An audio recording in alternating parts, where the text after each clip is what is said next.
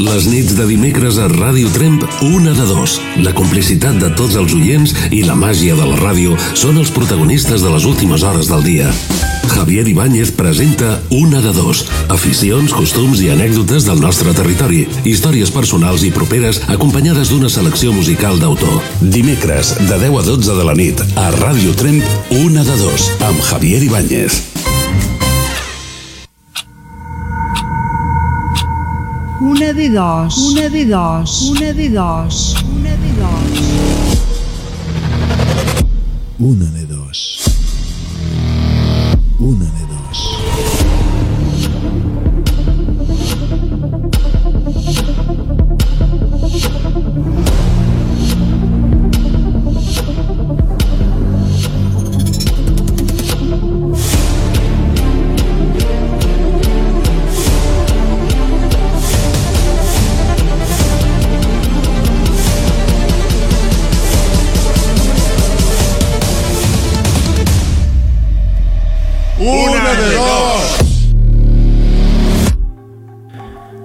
Estamos en una sociedad altamente competitiva. Cada uno de nosotros tenemos que demostrar cada día que somos mejores que el día anterior.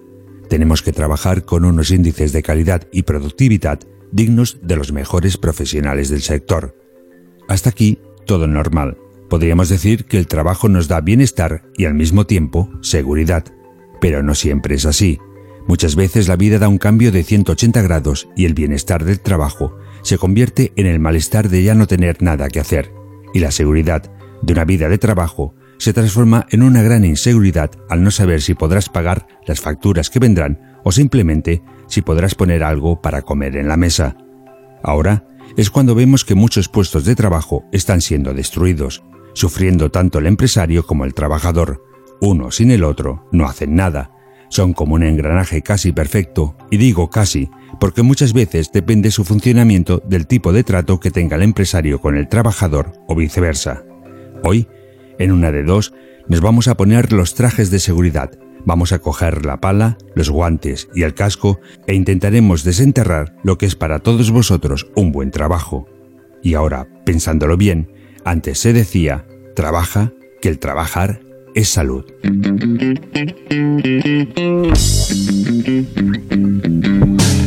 Arrastrar la dura cadena, trabajar sin tregua y sin fin.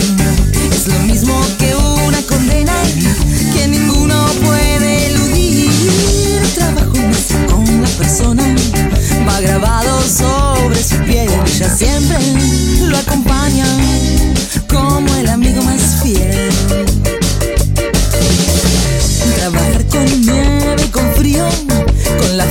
Que ha de triunfar.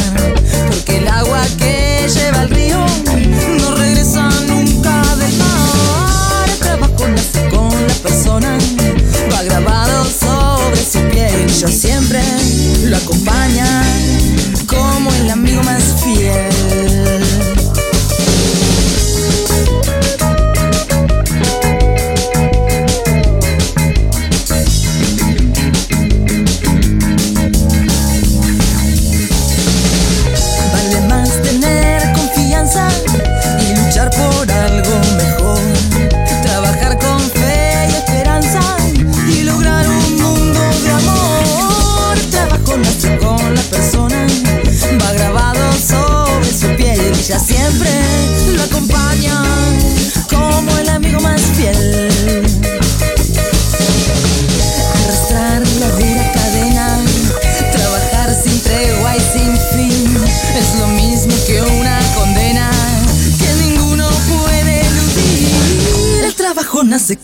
Persona, el trabajo nace con la persona, el trabajo nace con la persona. Hoy es 24 de febrero. Bienvenidos, benvinguts a la 49 edició de Una de Dos.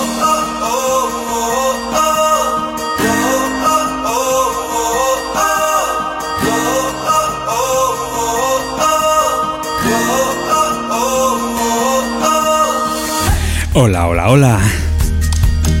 Un altre dimecres més. Aquí amb tots vosaltres, amb ganes de passar una nit única en la música, i la vostra companyia.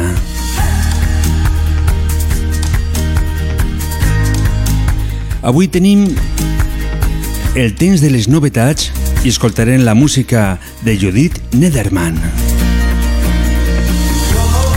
També en versions escoltarem la cançó de 16 tonelades. I aquesta setmana hem fet la pregunta de què és per tu el treball. Amb aquesta pregunta ens contestarà Cristina de l'Hospitalet, Dani de Trem, Ivan de Trem, Charo de Trem, Pol de Talar i Puri de la Pobla de Segur. No nos oblidem que després vindrà la Carmeta amb les contestacions a les vostres preguntes.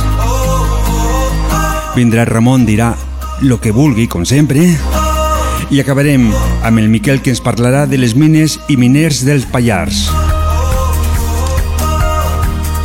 Com podeu comprovar, tenim una nit molt moguda, però no ens hem d'oblidar que vosaltres, tots vosaltres, sou els principals protagonistes.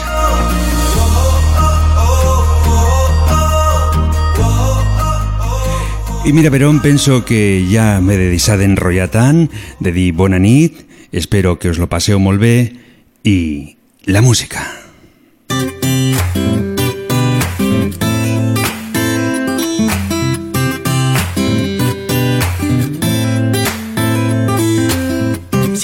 Aquí está bien, son los gatos del gitano. Si me dicen. Si te dicen está fuera, ya no tendrás que aguantar a los de dentro. Si te dicen se acabó, busca para ti otros finales. Si te dicen ya no eres el mismo, ellos serán siempre iguales. Si te dicen no estás a la altura, ponte tacones más a menudo. Si no te entienden cuando dudas, el que no duda si lo lleva crudo. Si te dicen que no cantes, canta y desafina más. Si te dicen no te quiero, di lo importante es. Y si te dicen quédate esta noche, quédate esa noche y la siguiente en mí, que los mejores momentos nunca sabemos qué decir. Y si te dicen vete mañana la maleta, dale un beso y ve feliz. Que los peores momentos no queda nada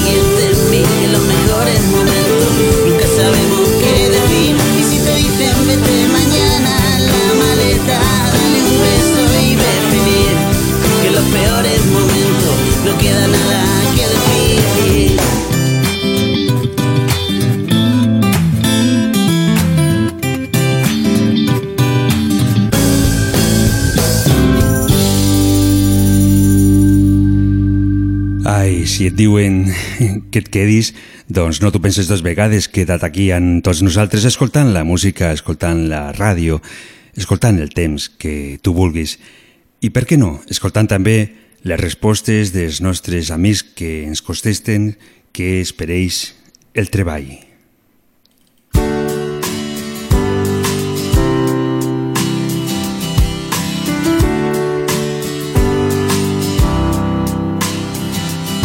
Sí, soy Cristina Donati de Hospital de Llobregat, de Barcelona. Yo que sé que es para mí el trabajo, que es para mí. Bueno, pues eso es que te puedo responder, no sé, déjame que piense. Es que llevo un año en ERTE, ¿sabes? O sea que, no sé. A ver, eh, trabajo. Eh, pues es una, una liberación, también una ocupación mental que es necesaria, creo. Eh, no solo por un tema económico, sino también por un tema de que tienes que tener unas obligaciones y un objetivo y algo que hacer todos los días, en lo que ocuparte, no sé. Creo que es necesario, eh, independientemente de la necesidad económica. Vale, no sé, para mí es eso, el trabajo es importante. Es, eh, no me gusta estar sin trabajar, soy así de rara, aunque pueda permitírmelo, pero no, no me gusta, prefiero estar ocupada y demás.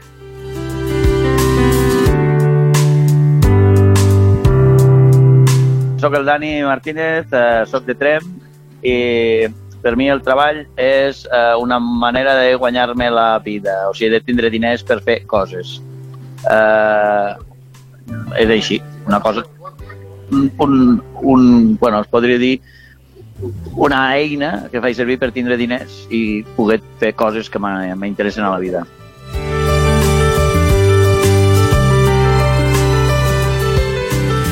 Ai, el treball amb el qual no podem deixar de viure. Des d'aquí, des de la ràdio, Ràdio Trem, la ràdio del Pallars, volem enviar salutacions cordials a la gent de Salàs. I ho fem amb guitarra pequeña. Eres tú tan buena que haces a la gente siempre bailar. Y he vuelto a tocar la guitarra. Eres tú tan guapa que me has hecho sentir guapo al despertar. Que me has hecho sentir guapo al despertar. No puedo parar, no puedo parar.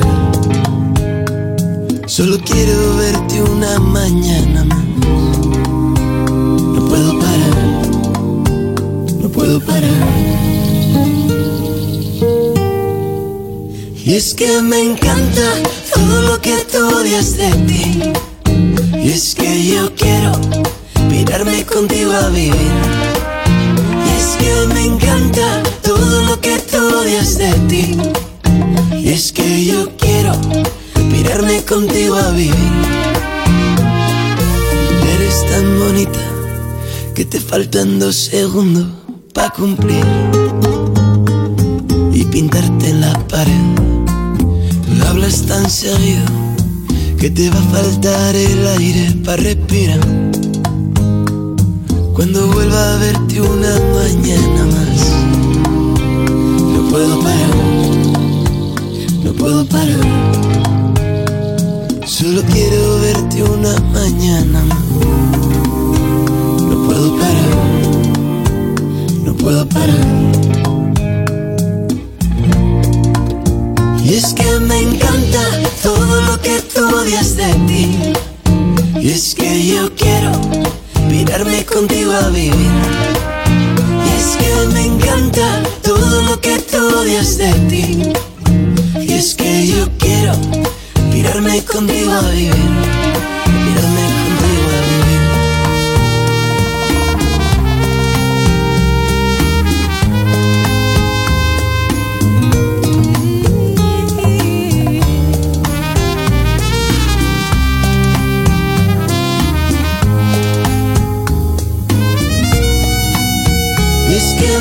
Encanta todo lo que tú odias de ti.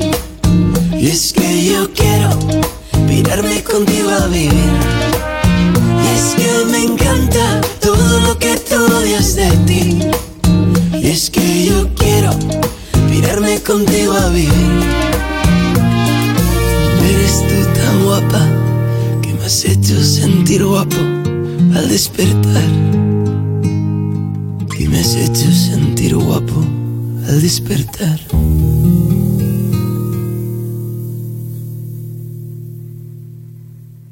Les nits de dimecres a Ràdio Tremp, una de dos. La complicitat de tots els oients i la màgia de la ràdio són els protagonistes de les últimes hores del dia. Arriba el moment de saber quines novetats musicals han sortit a la llum durant aquests últims 7 dies.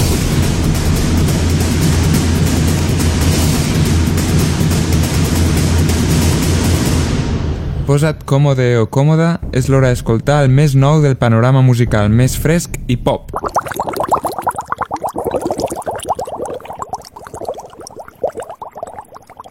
Avui escoltarem l'últim àlbum de Judith Nerderman, primer àlbum que enregistra en castellà, les cançons que es van gravar a Vilassar de Mar, Barcelona, el poble que va veure néixer fa 29 anys a Judit. Escoltarem dos cançons aquesta nit i la primera cançó que escoltarem es diu Siento que vuela. No quiero que acabe la carretera. Por favor que no se ponga el sol. Cuando me miras de esa manera, siento que vuela mi corazón.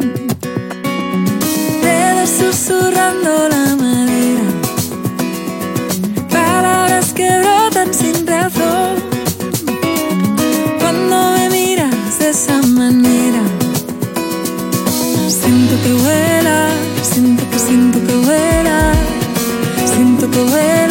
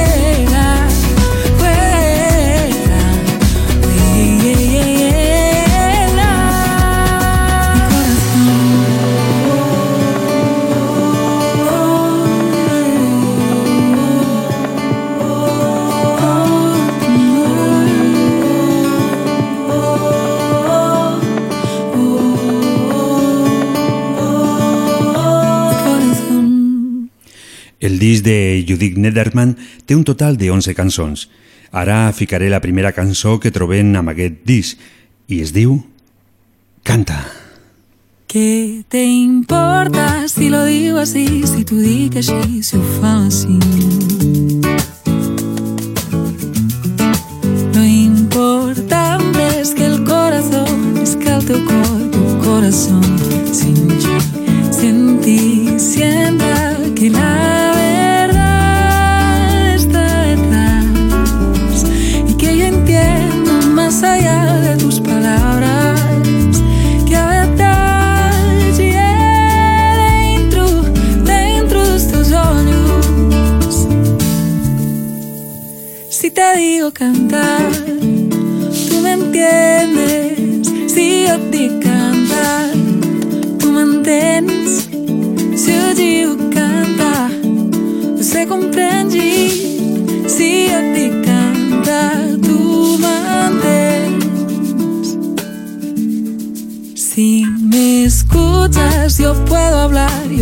Yo puedo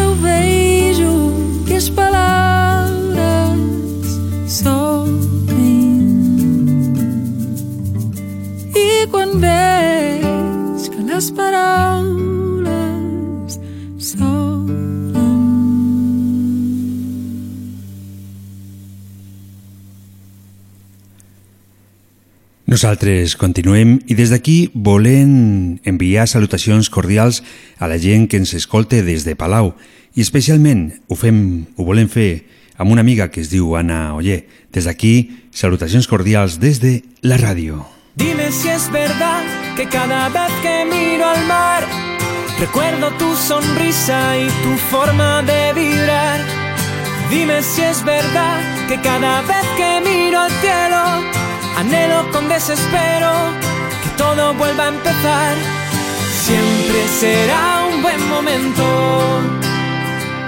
Es tu vida hecha a volar. Quiero beberte lento, destapar empapar mis labios con cada gota que sale de ti, que me acompañes lejos, aprovechar el tiempo susurres que quieres sentirte muy dentro de mí.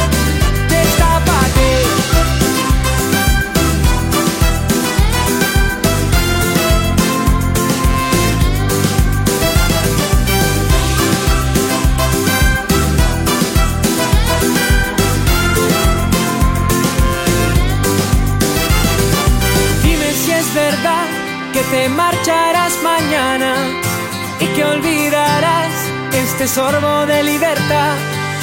Si lo quieres, vete lejos, pero no me pidas un final. Quiero beberte lento, destapar momentos, empapar mis labios con cada gota que sale de ti. Que me acompañes lejos, aprovechar el tiempo y que me susurres que quieres sentirte muy dentro de mí.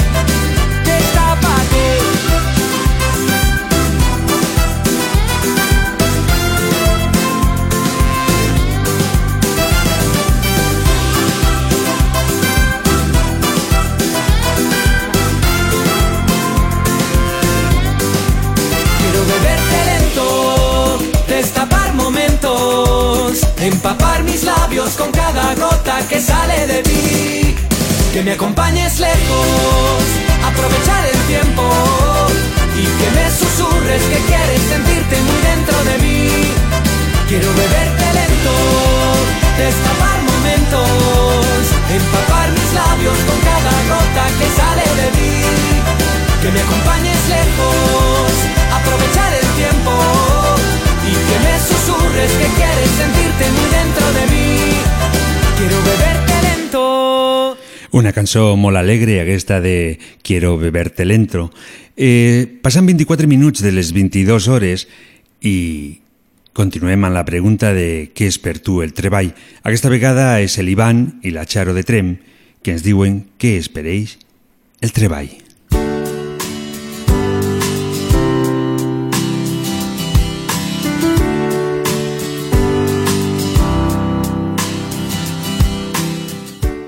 Soc Ivan Sánchez, eh, de Trem, i per mi el treball és una necessitat obligada que tenim per viure, però que si tens la sort en aquesta vida de treballar d'allò que t'agrada, també és una cosa que t'acaba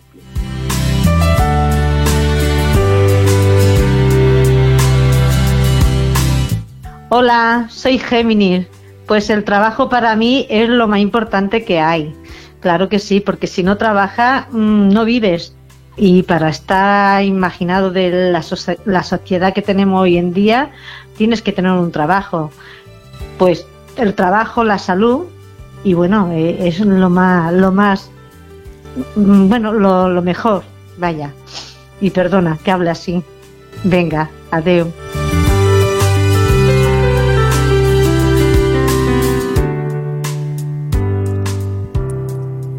Com podem escoltar, el treball és algo que hem de fer sempre, cada dia, que no ens podem salvar. Bé, mm, podríem dir que sí, que al cap de setmana alguns, no tots, podem fer festa i no tenim que anar a treballar. Des d'aquí, la cançó que ficarem ara eh, la volem dedicar al rock de la Mel. I des d'aquí també le volem dir que encara estem esperant lo que és la mel que ens va prometre. Per tu, la música de Chenoa, Soy Mujer.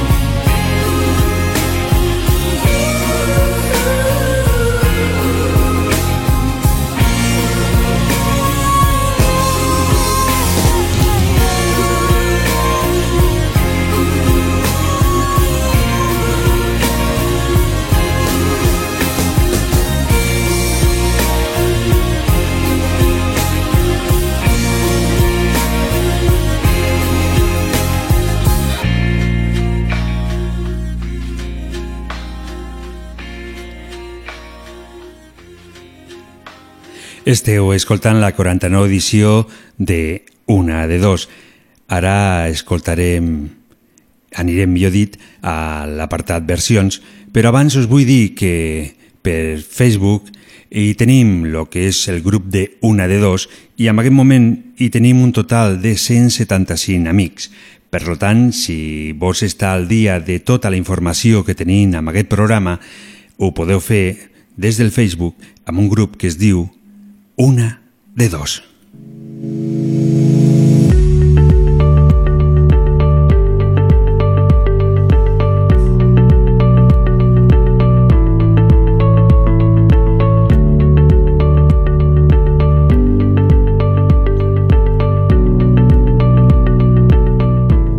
Quan un artista s'atreveix a versionar un altre, en general és degut a una certa admiració. A vegades els resultats són interessants i notables, encara que també hi ha massa casos en els quals el despropòsit és inexplicable. També hi ha cançons intocables que ningú hauria de versionar mai de la vida, però l'ésser humà és així i reincideix. Avui, a una de dos, et posarem el tema original i dues versions de la mateixa cançó.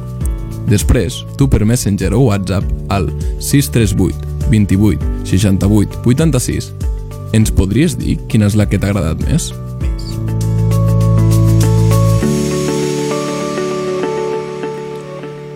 Avui, aquesta nit, tenim la cançó de 16 tonelades, eh, una cançó que ens agradaria poder ficar el que és la versió original, però és una versió que el tema va sortir a l'any 1955 i la qualitat de so no l'he vist gaire, gaire bona.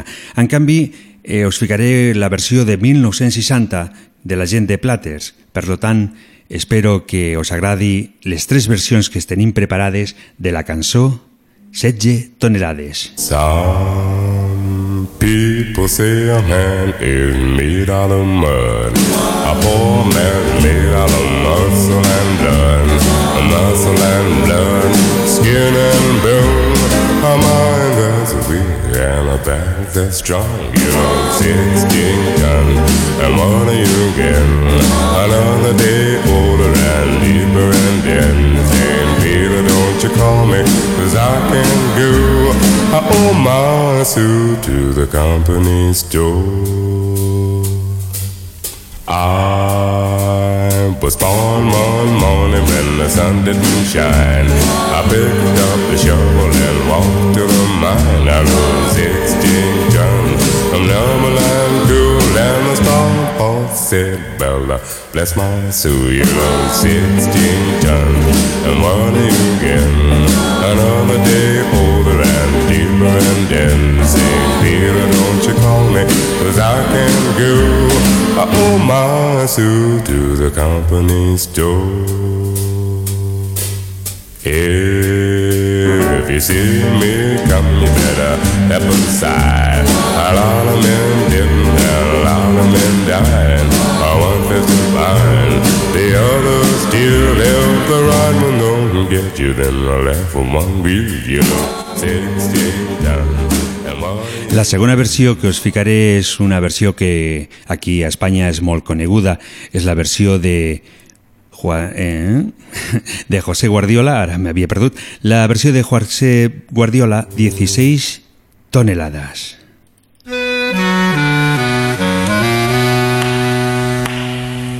Yo soy un pobre paria, minero soy, con mi azadón y mi pala nací.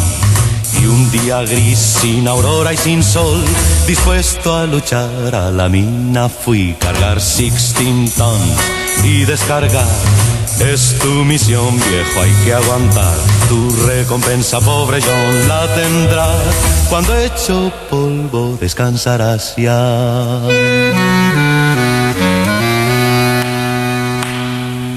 Ya desde que apunta el sol me debo al control y soy para el capataz un número más.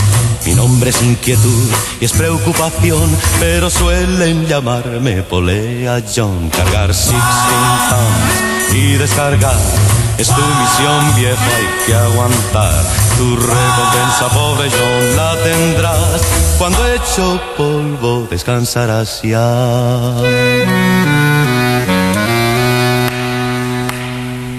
Fue tu vida negra y dura, pobre John. Tal vez dirán los que verán mi funeral. Y el jefe dirá, fue un valiente corazón luchando hasta el final. La segona versió que us he ficat aquesta nit, la de José Guardiola, una de les versions més conegudes d'aquesta cançó. I ara us ficaré una cançó que no penso pas que sigui coneguda, la versió aquesta, el cover. És d'una gent que es diu Ribas Andain i és lo més mogut que he trobat d'aquest tema. Sente esse samba quente que é muito legal. É super pra frente, é bem genial. Embalo como este, só quem vai curtir. Quem não se machucar quando deixa cair. Por isso vem, vem, vem, vem,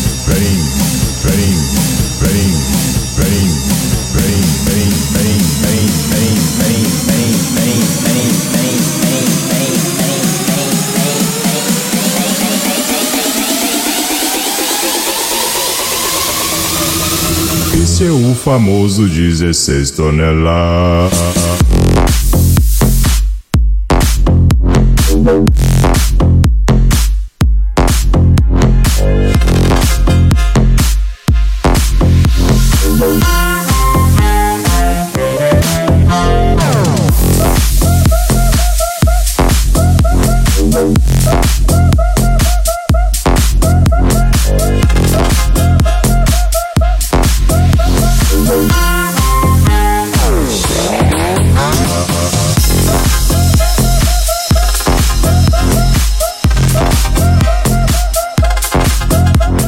Això sí que és marxa per la nit per no parar de ballar.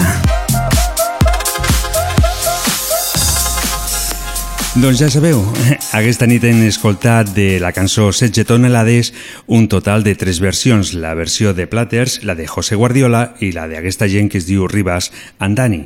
Eh, durant aquesta setmana, fins al proper diumenge, podreu votar quina és la versió que més us agrade de totes aquestes. També eh, us, us lo podeu fer a, per WhatsApp, internet, va, per, per molts puestos. També tenim aquí, com no, la cançó que aquesta setmana ha sigut la guanyadora de la setmana passada, la cançó original Corazón Partido de Alejandro Sáenz. Una de les cançons que ens demostre que l'original a vegades és molt complicat de fer algo millor. Continuem aquí a la ràdio, continua amb nosaltres, perquè me teniu el corazón partido. Este corazón, ya lo ves que no hay dos simples, que la vida va y viene y que no se detiene, y qué sé yo.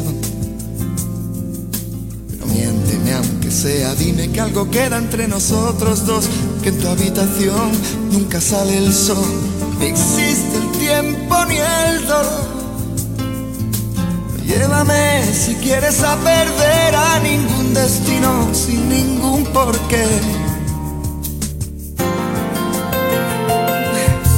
Ya lo sé, mi corazón que no ve es corazón que no siente, corazón que te miente amor. Pero sabes que en lo más profundo de mi alma sigue aquel dolor por creer en ti que fue de la ilusión y de lo bello que. ¿Para qué me curaste cuando estaba herido si hoy me dejas de nuevo el corazón partido?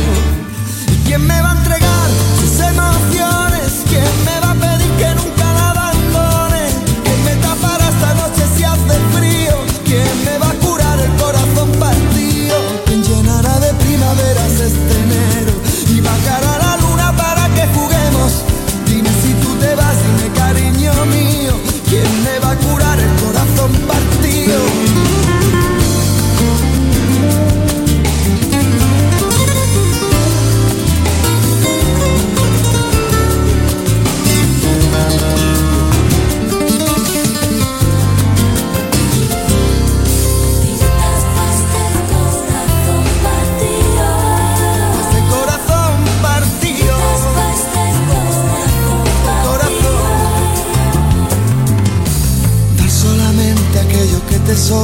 nunca fue compartir, sino dar limosna, amor.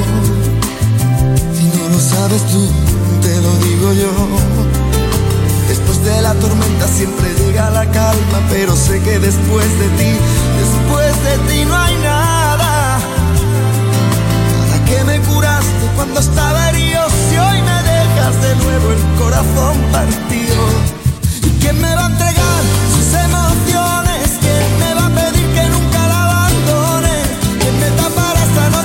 I've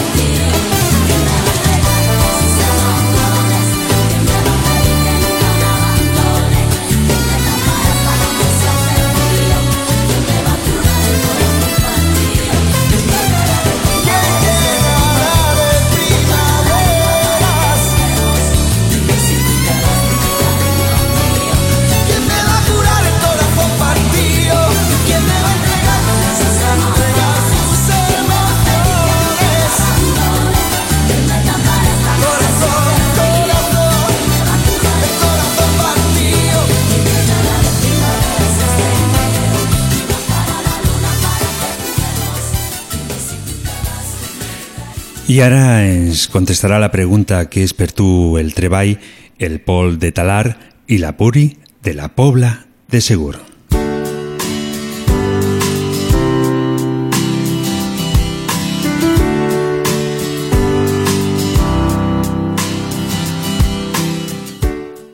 Pol Oliva de Talarn. A veure, el, el treball, eh, per tristament, amb moltes vegades és, és una obligació, ja que el, és necessari per a, per a la vida i, i el que hauria de ser és un dret per, per tothom. Tothom hauria de tindre dret a tindre un treball i tindre un treball digne, que molts cops, tristament, això, això no passa i no aconseguim garantir els, els drets bàsics i fonamentals a tothom, que al final és pa, sostre i treball. Això jo crec que ho definiria bastant així.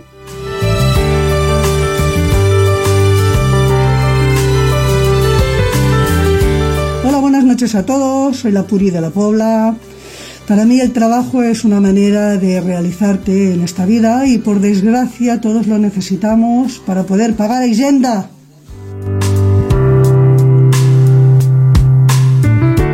Des d'aquí vull donar les gràcies a tots els amics que ens han contestat amb aquestes preguntes.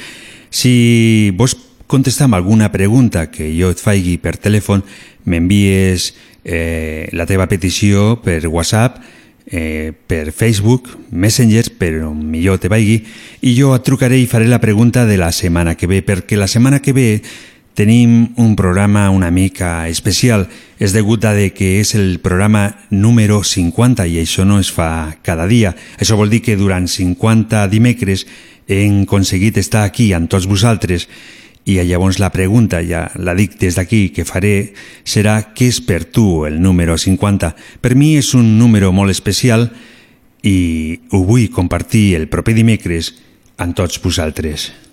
Quiero confesarte que ya tengo la certeza Mentrestant, escoltem la música de Morat, Acuérdate de mi.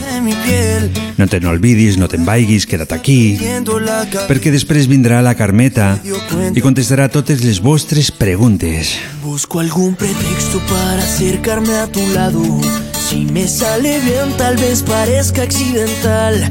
Por fin usaré todo el coraje que he guardado para confesarte lo que nunca pude hablar. Quiero convencerte, pero no quiero arriesgarme a perderte y que te quieras ir.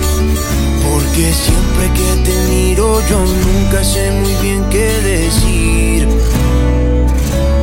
Acuérdate de mí, por si tu corazón busca algún dueño, o si quieres un beso en algún sueño, quieres más noches en las que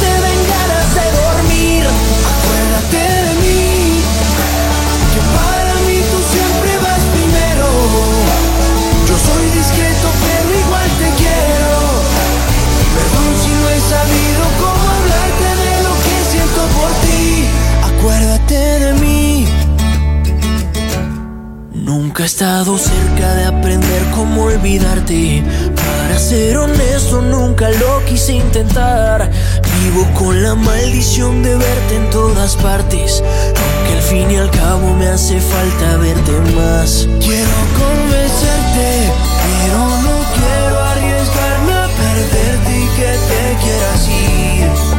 Porque siempre que te miro, yo nunca sé muy bien qué Acuérdate de mí, por si tu corazón busca algún dueño, o si quieres un beso en algún sueño, o si quieres más noches en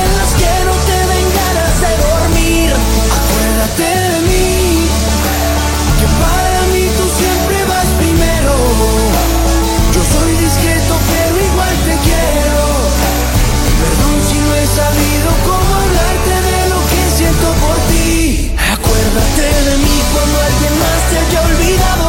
Yo me acordé de ti siempre que estuve enamorado. Si tú no estás, amor, si tú no estás, amor, ¿dónde me quedo yo? Acuérdate de mí que yo por ti he sido un soldado.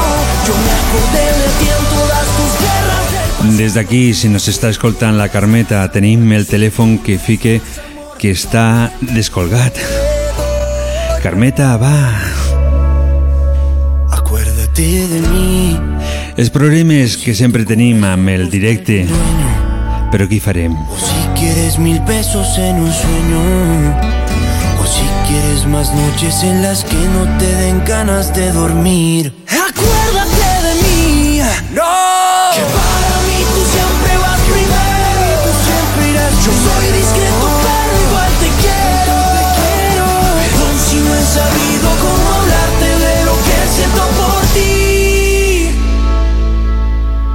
Acuérdate de mí.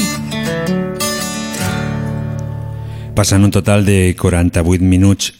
Ara, 49 minuts de les 22 hores. Eh, estem esperant poder connectar amb la nostra amiga Carmeta, que sembla ser que hem tingut un petit problema amb el telèfon. Ja és normal, ja ens estem acostumant. I mentre intentem connectar amb ella, escoltem la música d'Àlvaro Soler, un tema que es diu Volar. Pam pam pam para pam pam pam para pam pam pam para pam pam para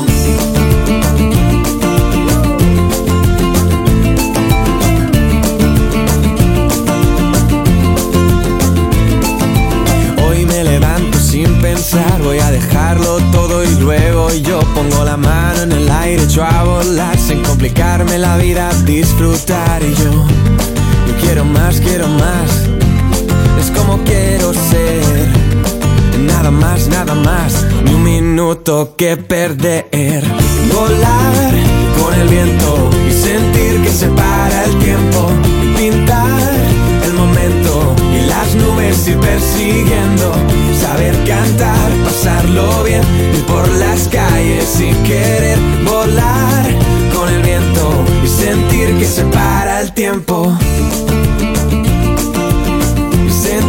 se para el tiempo.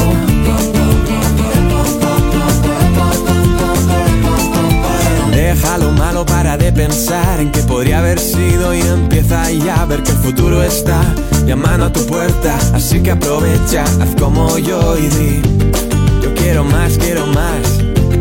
Es como quiero ser. Nada más, nada más, ni un minuto que perder. Volar con el sentir que se para el tiempo. Pintar el momento y las nubes ir persiguiendo. Saber cantar, pasarlo bien, ir por las calles y querer volar con el viento y sentir que se para el tiempo y ver cómo las casas quedan atrás, desenfocado ya. Los árboles nos pasan alrededor. Quiero más, quiero más, ni un minuto que perder. Volar con el viento sentir que se para el tiempo. Pintar el momento y las nubes ir persiguiendo. Saber cantar, pasarlo bien, ir por las calles y querer volar con el viento y sentir que se para el tiempo.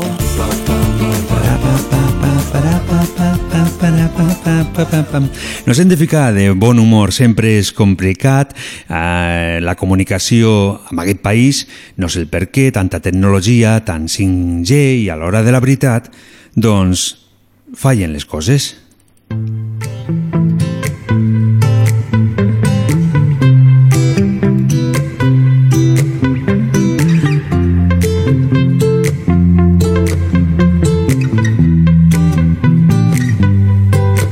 Sempre mirem el futur, sempre vivim el present, però en la Carmeta podem viure el passat, el present i el futur. És l'hora de la Carmeta. Hola, bona nit, Carmeta. Hola, bona nit. Avui fallava la tecnologia del telèfon, com sempre, Sí. no? Sí, sí. Bueno, no passa res. No, l'hem aconseguit solucionar. Des d'aquí volen eh, donar les gràcies al veí, a l'Adrià, Jo tinc un tècnic, jo tinc un tècnic que ha vingut a arreglar-ho. que ha vingut corrent, no? Corrent ha vingut. I I segurament... estava preocupada. Mhm. Dic, ai mare, jo no sé qui he tocat jo ara. Però ja, ja el tenim solucionat, que és, sí. és lo important. Sí, sí. Mhm. eh, Carmeta, Mane. Què és per tu el treball? El què? El treball, què és per tu el treball? Home, el treball és mm, una mica tonto el que diré, però el treball és vida, ajuda a viure. Per si no treballes no tens calés i no pots fer res. Mhm. No hi ha manera de, de viure sense, sense diners. Mira, els rics, no sé co- com deuen ser de feliços, però jo, com que no he sigut mai rica, doncs trobo que el, di, el treball, hi ha un, un ditxo molt ben ditxo, que es diu que el treball dignifica l'home. A l'home suposo que la dona també, no? Mhm. Penso que sí. I, i, tota la vida la gent ha treballat per poder viure. Mhm. Ajuda a viure el treball. Lo que passa que també ens esclavitza una mica, no? Es Bueno, fa... el que es pren el treball amb, només per treballar, treballar i guanyar, i, no, això, això ja no, ja no. Es treballa a les hores reglamentàries i també hi ha un temps per tot aquesta vida, un temps per descansar, un temps per menjar, Mhm. per divertir-se el que pot divertir-se una mica. Però hi ha gent... treball. Tenim també gent per un costat que se n'olviden de, de viure, no pensem més que en treballar, i també tenim per un altre costat gent que tan sols pensa en diversió i poc en treballar. O sigui, el Bueno, que és la, ha- la part mitja és complicat, no? També hi ha uns quants que tenen un os a l'esquena, que no els agrada treballar, però normalment, generalment, tota la vida la gent ha treballat antigament i ara, i, i suposo que serà mentre hi hagi món. Mhm. No toca cap més remei que treballar. I anar fent i passant les hores i passar-ho bé. Sí, home, i després Mhm. també hi ha, ja et dic, hi, ha, un temps per tot i, Mhm. i tens un temps per descansar. També. Mhm. I tant. Mira, anys enrere no hi havia el pont del, allò del dissabte. Mhm. Jo quan era joveneta no tenia, el dissabte teníem que anar a treballar, eh? Tan sol queda bé, los buenos. queda bé el diumenge i ja està. Sí, sí, només teníem festa el diumenge. Mhm. Pues jo, mira, trobo que hi ha hagut coses que, que s'han arreglat bastant bé. Sí. Doncs mira, amb això que estàs dient de que quan eres joveneta doncs tenies que treballar el dissabte, però dintre de, de lo que cap podrien dir que teníeu un futur, o almenys veieu a lo, a lo lluny un futur, no?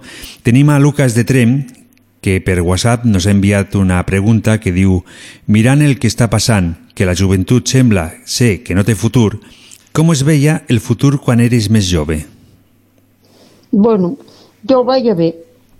Mm, Treballàvem bastant, no guanyaven tant com ara, perquè ara diuen que guanyen molt poc, doncs menys guanyaven anys enrere, perquè també la vida era més barata. És que la, la vida ha evolucionat i ha canviat. I el jovent d'ara pues, fa molta pena, perquè hi ha molts nois que tenen, i noies que tenen estudis i que no troben treball, molts s'han hagut d'anar fora, tot això són problemes. I jo crec que perquè també la gent vol tindre més del que, el que tenim que tindre, perquè a vegades ens sobra, almenys jo, eh, jo parlo per mi, jo sempre parlo per mi, per no ofendre ningú, perquè tenim més coses de les que a vegades necessitem.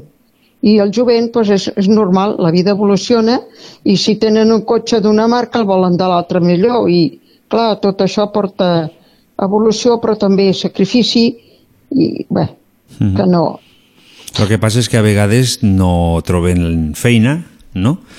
Perquè és, Sí, no és, troben, és complicat i llavors, clar, aquell cotxe que estaves tu comentant anteriorment, doncs no se ho poden comprar.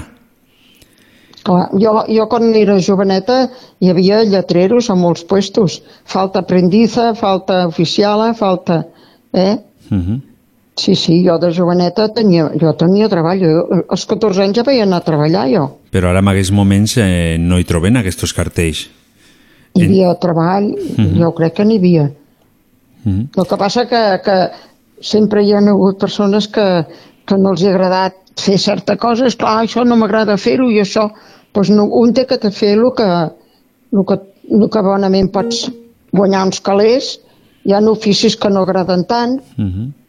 Pues Però mira, no, també, no, hem de, no sé. també hem de comptar de que una persona quan fa la feina que li agrade, aquella feina que, que vol fer, també és veritat que aquella feina la fa millor que una altra que Home, no, no té sí, tantes sí, ganes. això és veritat.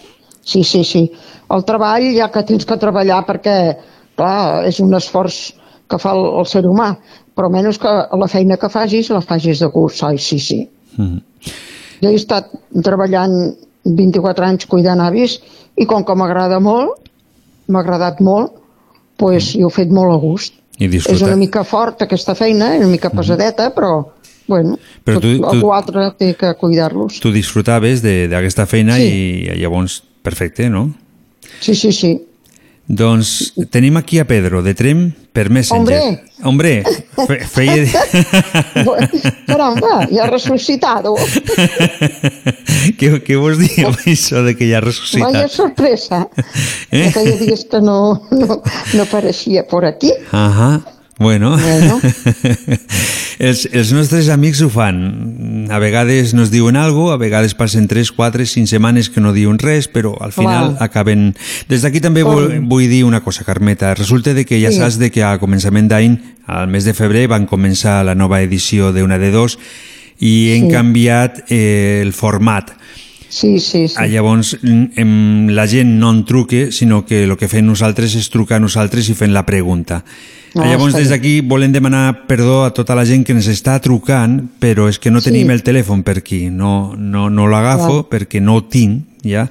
Sí, Però sé que sí, me sí. truquen perquè quan arribo a casa hi veig moltes trucades perdudes. Eh, des d'aquí Sí, sí, us sí. vull donar les gràcies a tots i perdoneu, ja hi tornarem amb alguna altra edició a tornar a deixar les línies obertes. O en algun Sí, sí. altre moment, amb algun programa, per exemple, el de la setmana que ve, les 50 Sí. Edicions, doncs ho podríem pensar, no?, de deixar oberta la línia telefònica. Pues sí. Sí, de tant en quant intercalar-ho, està bé. Mhm, Sí, anar, anar provant. Sí. Pedro, Pedro está, está por aquí.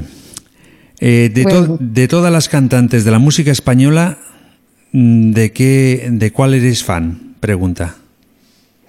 Bueno, jo, mm, hagut moltes de bones, però jo com la Rocío Jurado, cap. Ujú. Tenia una, vo- una veu preciosa i unes cançons també molt maques. I quina és la cançó que més t'agrada? Home, en teva.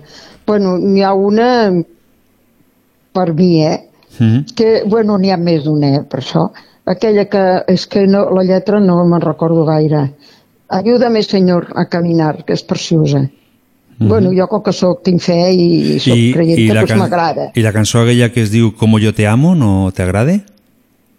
També, també és molt romàntica, molt maca. És que en té moltes, eh? Mm -hmm. Escoltem, Eh, molt escoltem, maques. escoltem 30 segons aquesta cançó. Sí, sí, sí.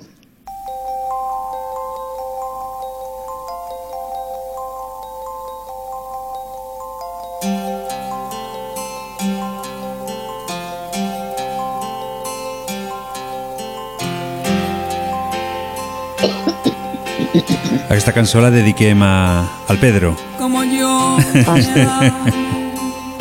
Suposo que li deu agradar. M'imagino.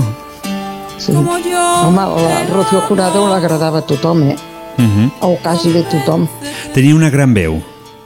Preciosa. Uh -huh. Hi havia cançons que, que arribaven, et ficaven la pell. Aquella, Sí, té cançons eh? molt, molt maca, a part d'aquesta que dic jo, que a mi m'agrada també, a part d'aquesta, jo crec que totes les que cantava eren boníssimes. Escoltem una molt mica maques. més.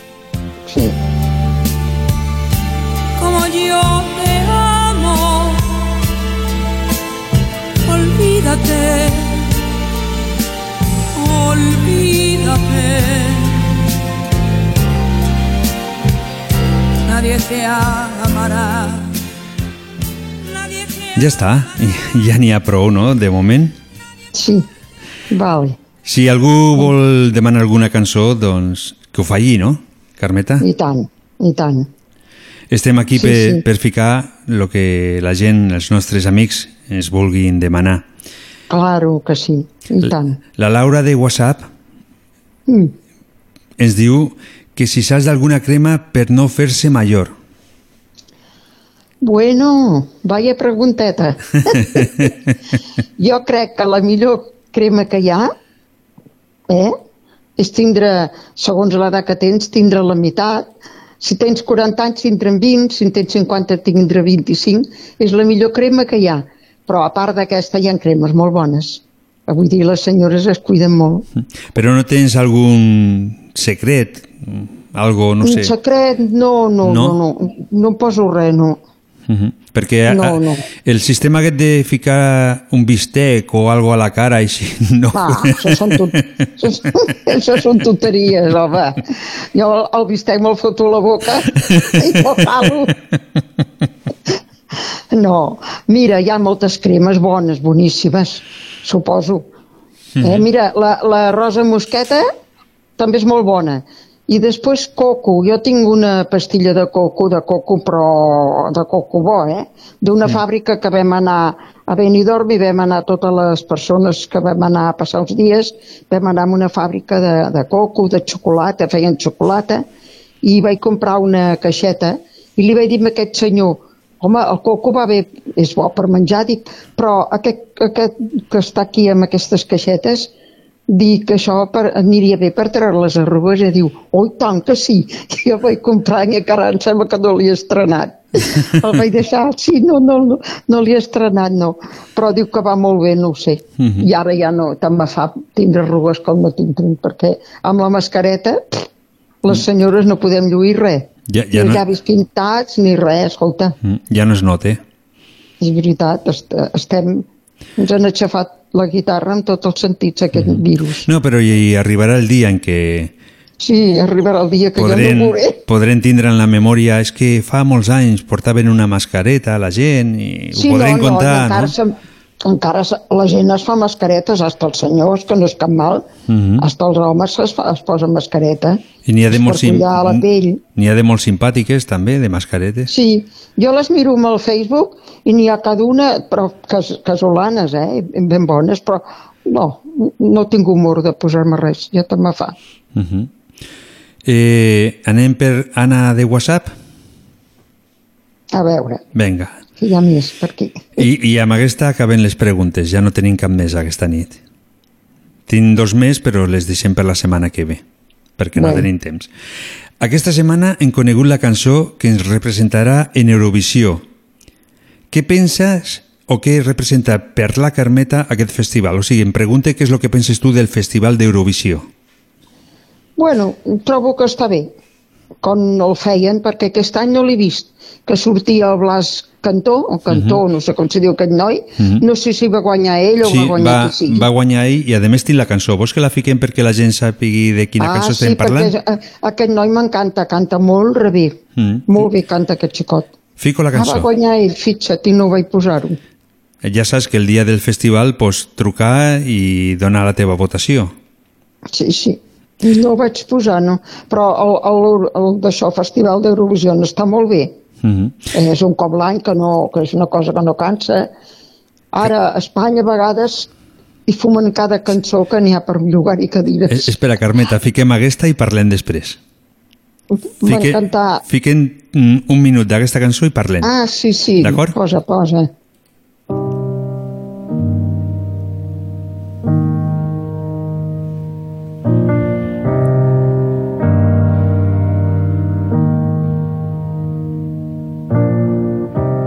Quédate esta noche para ver amanecer, para sentir tu voz acariciándome. Quédate un segundo más, no hay nada que perder, mientras dibujo más de memorias en tu piel. He bajado el cielo para descubrir que se esconde en tu mirada solo unos centímetros de mí. Ho deixem aquí el que vulgui escoltar la cançó sencera, doncs que la busqui per internet. Sí, sí, sí. Què representava o què representa per tu el Festival d'Eurovisió? Bueno, mm, bueno, jo cada any l'he escoltat menys, menys aquest, perquè aquest com em sembla que ho hauran fet diferent i no, ni me vaig recordar, però jo sempre he mirat, eh? sempre des de que van començar a fer-lo, Uh -huh. Doncs mira, eh, que, que canten persones, nois i noies de, de cada país i, i, i és maco, aquest festival és molt maco. Jo me'n recordo El que que, quan que era, no. quan era jove era com, com una festa, no? que tota la família Ui, sí, es ficava al, al voltant de, Sí. de la televisió i... Sí, tots allà sentats i, i calladets per, per veure'l. Sí, sí, que m'agrada. És una cosa que, com que és poc, ho fan de tant en quant, un cop l'any, no molesta. A mi m'agradava molt el programa aquell que feien els dimecres, Tu cara me suena, també que canten. Sí. M'agrada, ara ja ha acabat, no sé si ho tornaran a fer Segur, aquest programa. segur, segurament sí. Són d'aquests programes que A mi m'agrada eh, molt, eh? Tu cara me suena, Mhm. està molt bé perquè imiten tan bé a, a, a cantants de veritat que dona gust veure-ho. Mm. No, però perquè van disfressats i llavors tu no et dones compte però ells fiquen el cantant original i tu te penses no, que... No, no, no, no, no, no, no. Crec, eh? No ho sé. Ah, fan això. Ui, jo, no, jo No, no, Carmeta, no, que innocenta, t'ho estic dient de broma. Ah, no, perquè si, si imiten, si imiten ja, ja, ja no seria maco que fos Mhm. un, un, un playback o una cosa d'aquestes, no. Mhm. Són, són gent que, que saben cantar bastant bé i imiten aquell, aquell cantant. Sí. Carmeta, ho hem, ho hem de deixar, si no, no entrarà el Que Ramon. vull dir bona nit a les meves compinxes, de Mhm. seguida acabo. Sí, sí, que A la tranquil·la. Mari de, de Terrassa, molts saludos i que es cuidi força. I a la doctora Carme de, de Mallorca, Mhm. la meva amiga de l'Alma, també, que l'estimo molt i tinc ganes de veure-la que, quan vingui a Trem. Mhm. O si no, pots anar tu a Mallorca. pues, mm, pues me, me va invitar, eh? Aquest estiu, diu, Carmeta, l'any que ve t'invito a passar uns dies a casa. I dic, uh, que bé! Sí, sí. I segons com ho diguis, no s'apunten més de nosaltres, també. Eh? sí, ah, sí, mira. podem marxar. Jo no he anat mai a Mallorca, eh? I m'agradaria, eh? He anat a Amèrica i no he anat a Mallorca. Això sí que és una mica raro, no? sí. Però sí, sí que m'agradaria anar-hi. Jo crec que no, si ella m'ho ha promès i em trobo bé i tot se, se calma una mica tot aquest romanço que hi ha, jo crec que m'hi apunto. Estaria bé, Em perquè ens podries parlar des de Mallorca i seria, oh, i tant, seria sí. guai, I no? tant, sí, d'igual, mira. Carmeta, et tinc que deixar. Bueno, vale. Es tornem a Gràcies. trobar el dimecres que ve i... Si Déu vol. Ui tant, Bueno, per què no? Bona nit a tothom i gràcies. Bona nit. Adéu.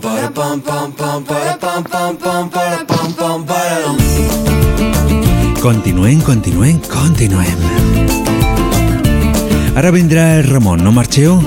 Perquè té moltes coses que contar, de les quals no m'ha dit ni una. Voy a dejarlo todo y luego yo pongo la mano en el aire, echo a volar sin complicarme la vida, disfrutar y yo, yo quiero más, quiero más,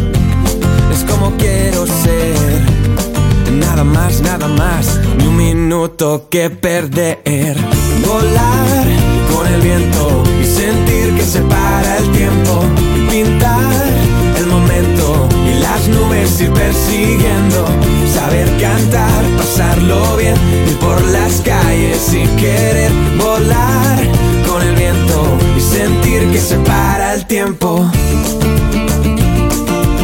Y sentir que se para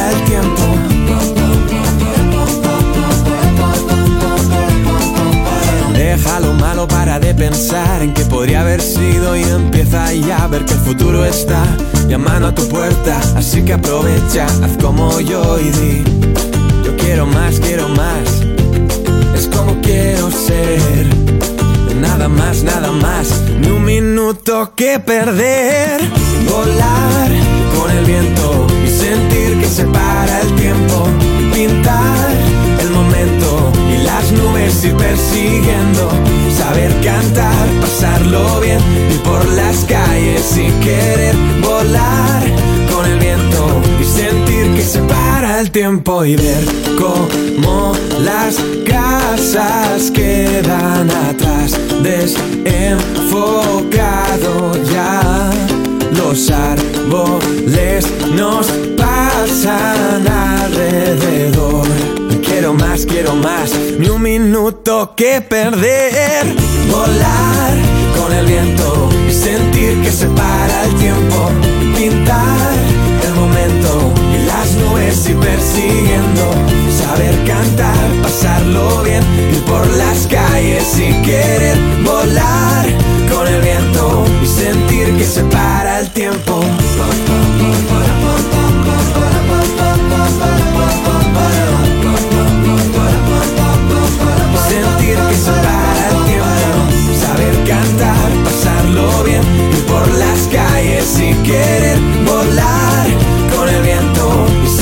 Que se para el tiempo.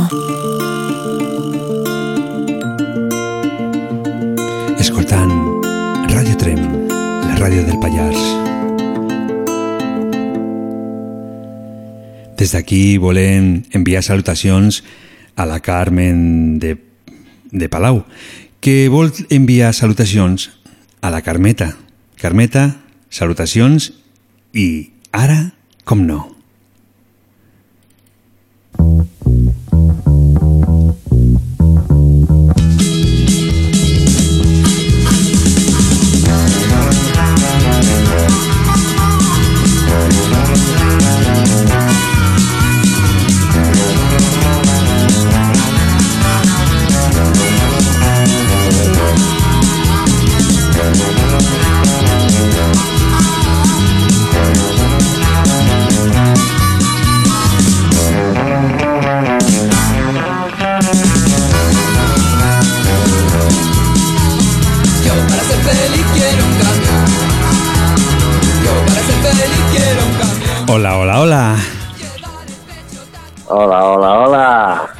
desmonta el chiringuito. Per què? No sé, sento sorolls aquí de fondo. Sí, són serveis que escoltes tu, però no, no escolta ningú més, eh? Ah, vale. Només us escolto jo, privilegiat que sóc. Sí, eh, és, sí, que és privilegiat. Uh -huh. Escoltes coses que altres Sí, sí. persones no, no poden escoltar. És curiós, això. Ah, Uh -huh. és molt curiós. Molt curiós. Algun dia hem de parlar de les coses curioses. Quan vulguis, fas un estudi de les coses curioses i... No, no, no, no, home, no, que jo t'ho deixo a tu perquè parlis tu, que ets tu el locutor, el, el, el, que, el que porta, el conductor Mhm. El conductor de la ràdio ets tu, jo sóc el conductor del camió. Sí, però tu No di... No, però tu al camió ni portes molt bones idees, molt bones vibracions i les envies, perquè a més avui estàs a França. Claro, com sempre, quasi bé. No, la setmana passada no estaves a França. No, dic que com sempre, quasi bé. Sí. Uh -huh. mm, Tinc una pregunta per tu. s'agafar- Tinc una pregunta per tu, de Laura per WhatsApp. De qui? Si saps, si saps alguna crema per, per no fer-se major. Ai, no, no perdona, no que són les preguntes de la Carmeta. M'he equivocat, perdona. Ara Estàs passant les preguntes de la Carmeta. He de fer els deures de la Carmeta que no ha fet ella. No, si i- no li has donat més temps, que li has dit, et deixo les preguntes per la setmana que ve que se mos acaba el temps. Uh -huh. Sí, m'han quedat dos preguntes per la setmana que ve. Uh -huh. Ah. Et puc, fer, Bueno, et, puc, preguntes, et puc fer una pregunta que he fet amb ella, eh? Això sí que ho puc fer. Les altres no. Les, les preguntes que no s'ha fet el Lucas, el Pedro, la Laura i l'Anna, aquestes no les puc fer. Però puc fer la que et faig jo. Què és per tu el treball? Ah. Hòstia. El treball, diu. El treball és la, és la putada més gran que mos han pogut fotre. El treball, diu. Home, El treball és l'esclavitud. L'esclavitud de la persona. Això és el treball. però si no estiguessis... Pensa que anti antigament... Sí, digue'm, digue'm, digue'm. Si Que no si no- tinguéssim que veure. No, si no estiguessis treballant, estaries avorrit. Això és... és, és estaria avorrit. És un regal que No, et donen, el poder, el poder treballar és un regal que et donen perquè no t'estiguis avorrit i no sàpiguis què fer a la vida, saps? pues, si em volen donar un regal que em donguin un altre tipus de regal i no, aquest, això, això, això no és un regal això és una putada Per què?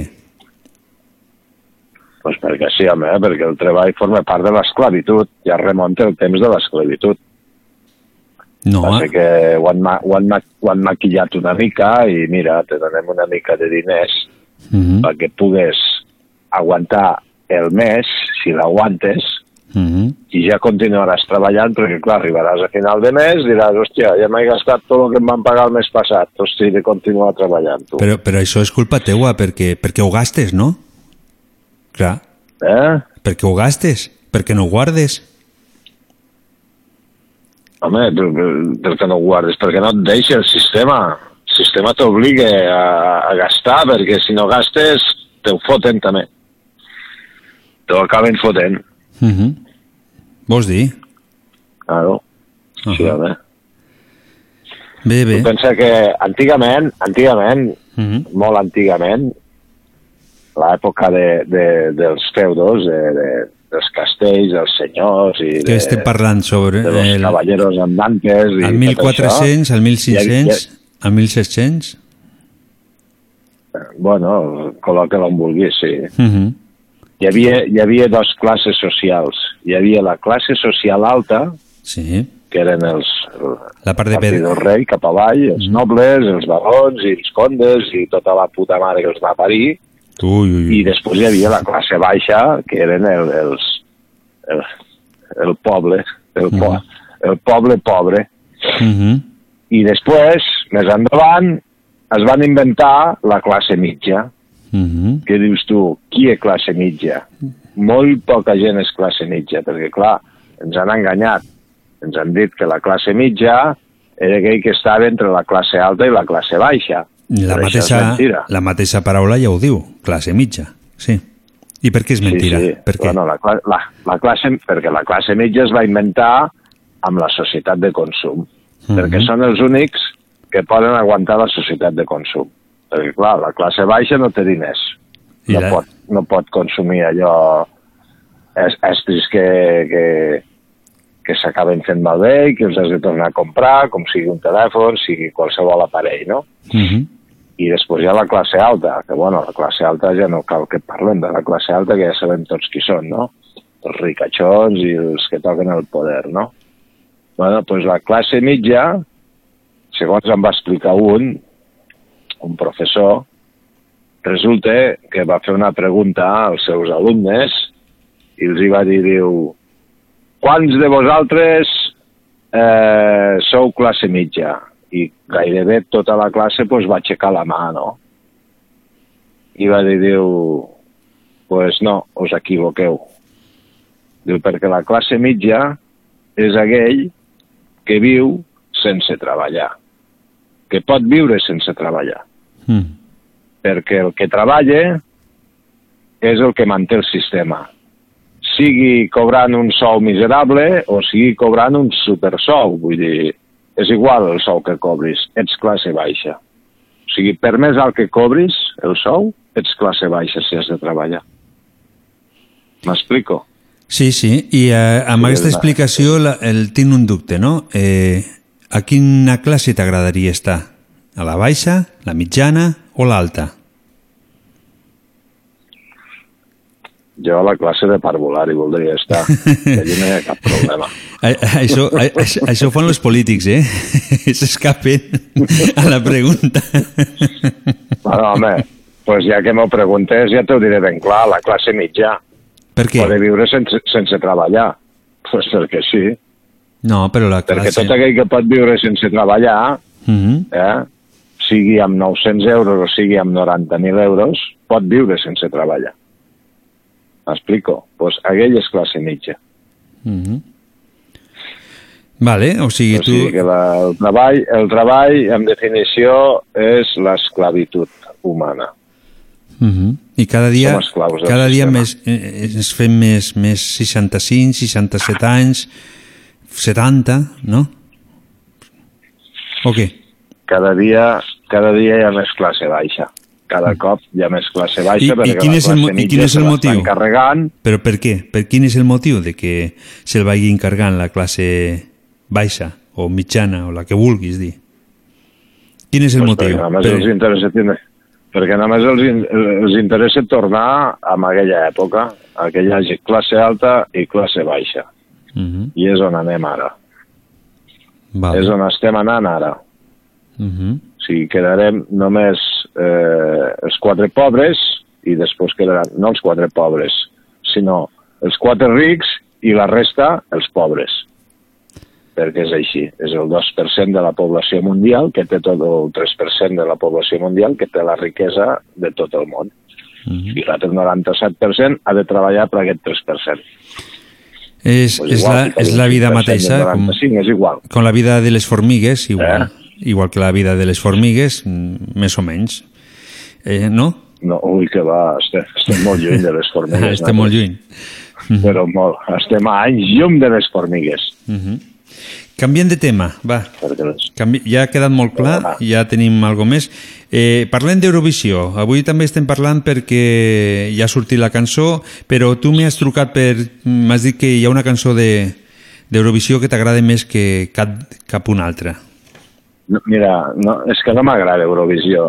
No Bueno, ja- ja ho m'ha sé, ja- mai, ja ho sé que m'has dit no que- No m'ha agradat mai, no ho he seguit mai, Ja. passo, passo. Ho vaig seguir de petit perquè, perquè hi havia només la televisió espanyola, que era l'única cadena que feien, que Mm. feien tele, que és el que heu dit abans, que ens Mhm. reuníem allí tota la família, Mhm. però és que no li trobava el què. Ja veus tu. Ja, però, I a Espanya, però ja m'has dit, m'has dit, m'has dit... cada, cada any, cada any, cada any em, treien, em treien la pitjor cançó que... És que semblava que ho fessin després. Anem a buscar la pitjor cançó que tinguem a Espanya. Pues Ja. aquella fiquem. Ja, Ja lo, mi lo, lo que pa... No, aquesta sí que era dolenta. Lo que passa és que m'has dit a micro tancat de que hi havia una cançó que a tu et va marcar molt i que si la podria ficar i la tinc preparada. Oh. La fico i després Escolta. parlem, després parlem d'ella, d'acord? Espera. Però, Xavi, que... que te la... Escolta, no, Tens vergonya ara. Deixa- Ja m'has dit que tenies una mica de vergonya, però ho, ho entenem també, eh? La puc ficar? però si ets tu el que portes els mandos, què em preguntes a mi? Doncs fiquem la... La vols presentar tu o... Si, si, si et dic que no la fiquis, la ficaràs igual. No la fiquis. Doncs fiquem... No la fiquis. La cançó que... Perquè és que no sé ni el que em posaràs. Sí que ho saps. La cançó que va marcar un abans i un després del nostre amic Ramon. Què dius ara?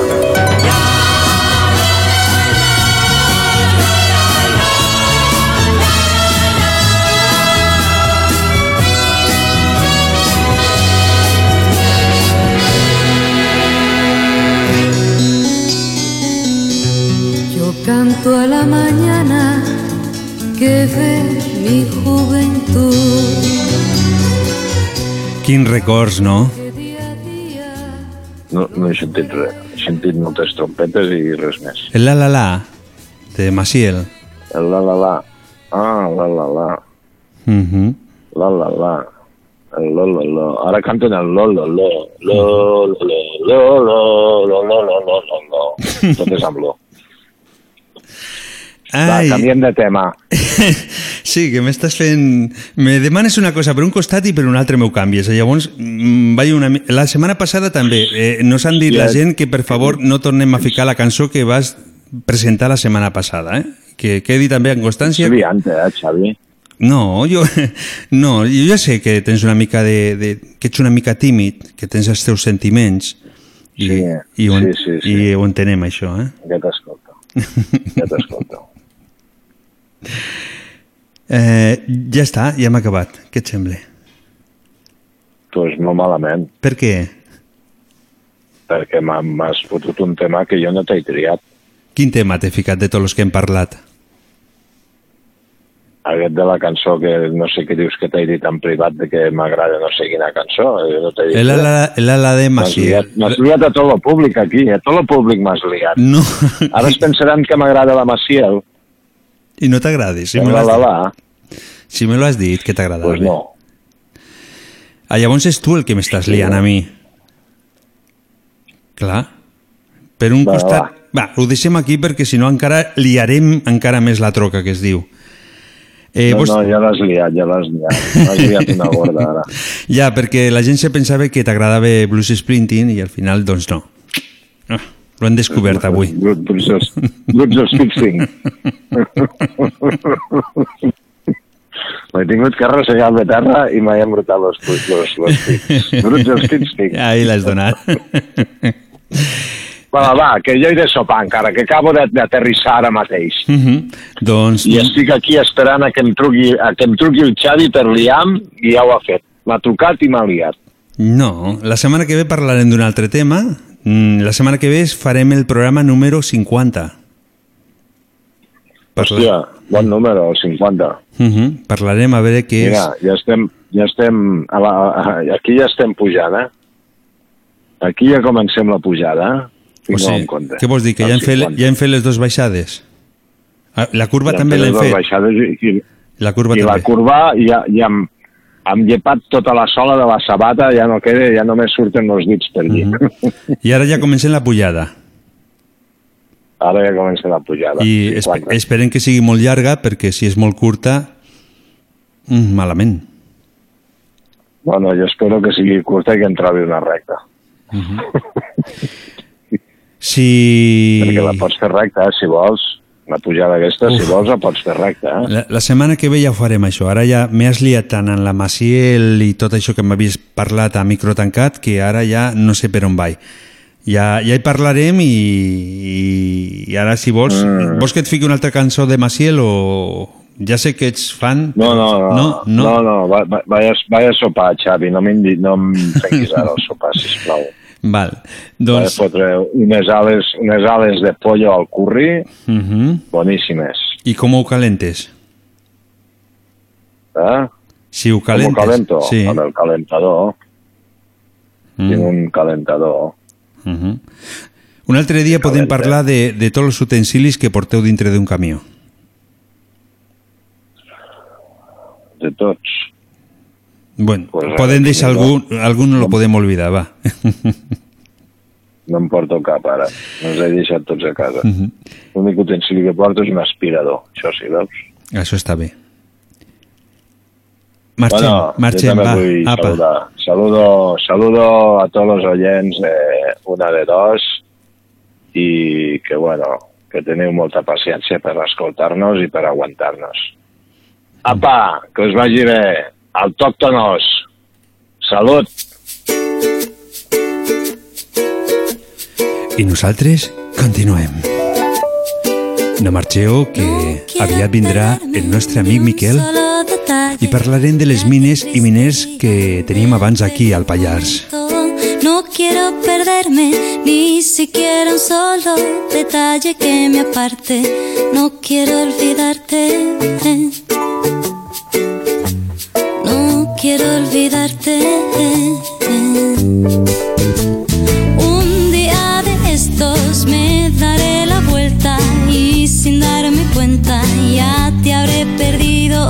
Solo recordarte que todo fue nuestro, nuestro para siempre, siempre será nuestro. Hoy por mí, cuando tus besos dicen te quiero.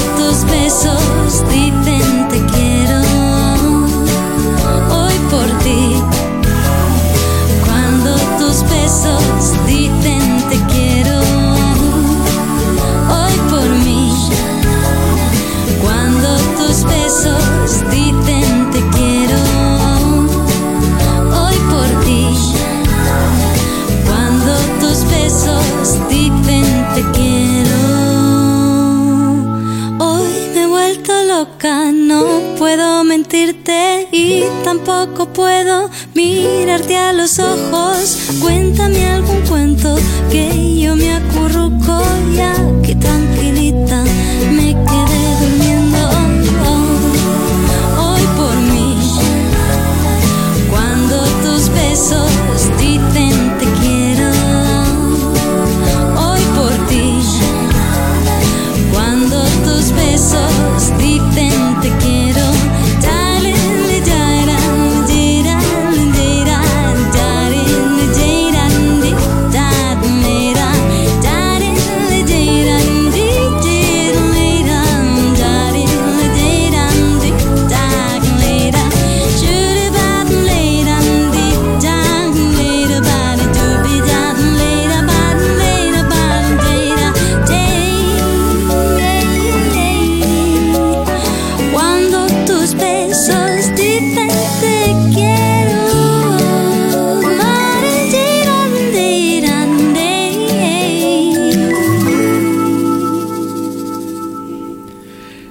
d'aquí vull dir a tots els amics de una de dos que al Ramon no li agrada Maciel.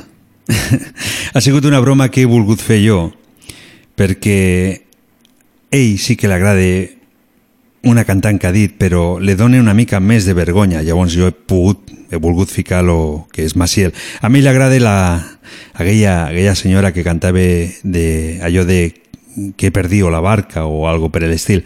Des d'aquí salutacions al nostre amic Ramon, que està per França, que sopi amb molt de gust, i per ell, aquesta cançó. A ritme del motor del camió.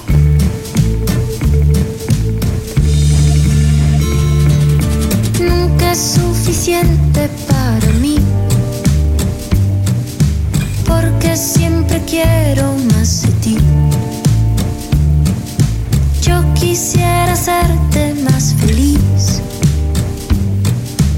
Hoy, mañana, siempre hasta el fin.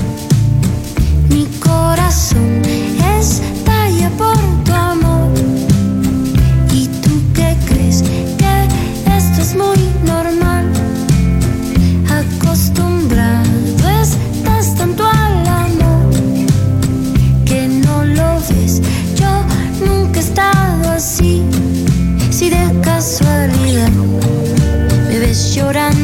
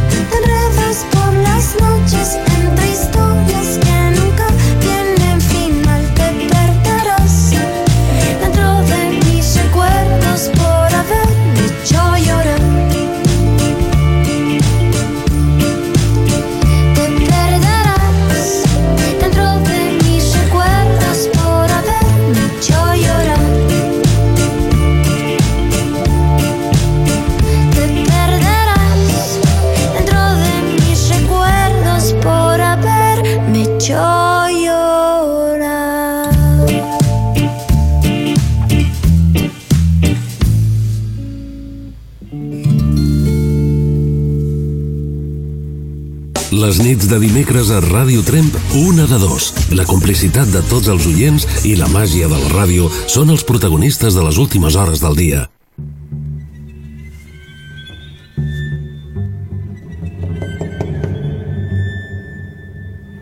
Què amaga el nostre territori? Quins misteris ens envolten al Pallars? Tot això i més ho anirem descobrint a poc a poc amb l'ajuda del nostre amic Miquel. Comença Els misteris del Pallars. Bona nit, Miquel. Bona nit, Javi. De nou, ens truques des de Tàrrega, no? Sí, Mhm. exacte. Et Sí, volia sí. dir que, que hem tingut molt èxit en, amb el llibre del doctor Roure, que vam parlar la Molt bé. setmana passada. La, la part final, home, tot el llibre és bo perquè el primer és una mica la seva biografia, però el final és que no té desperdici. Jo, que em perdonin, però és que no havia llegit mai una descripció tan animal de, de la gent de Trem, eh? Com Mhm. aquella. Bueno, molt bé, doncs me n'alegro de la gent. Des d'aquí des d'aquí dir a la gent de, que el poden trobar a la llibreria central d'aquí Trem, aquest llibre. Sí, sí, és, és l'editor, és Garcineu. Mhm.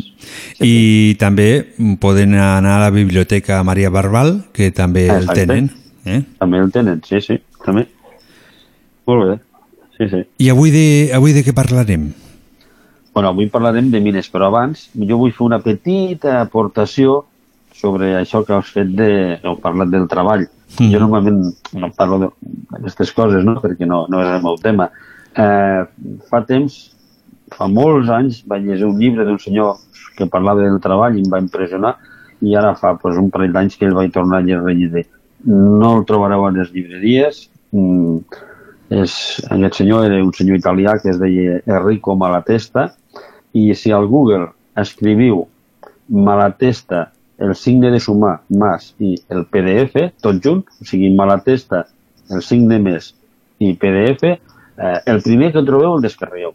I llegiu-lo amb paciència. Mm, No sé si arribareu al final, però és un altre punt de vista, no tan ensucrat com lo que, pues, la Carmeta, no?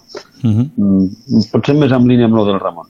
Bueno, això em va impressionar. A la meva època, potser tenia 20 anys quan el vaig descobrir, i ara, pues, amb 60 el vaig tornar a llegir, i molt bé.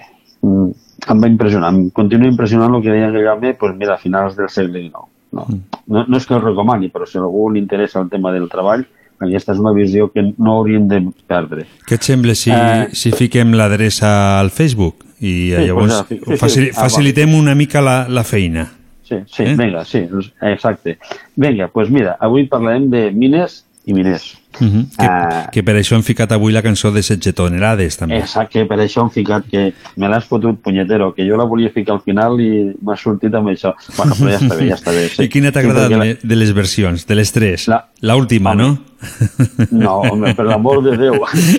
Uf, hòstia, hòstia, vamos, és que entres en una mina amb aquella música que per desfonsar, eh? Vull dir, no, no, no, no vull Eh, fer gafe, però He volgut trencar una mica els esquemes, saps? molt bé.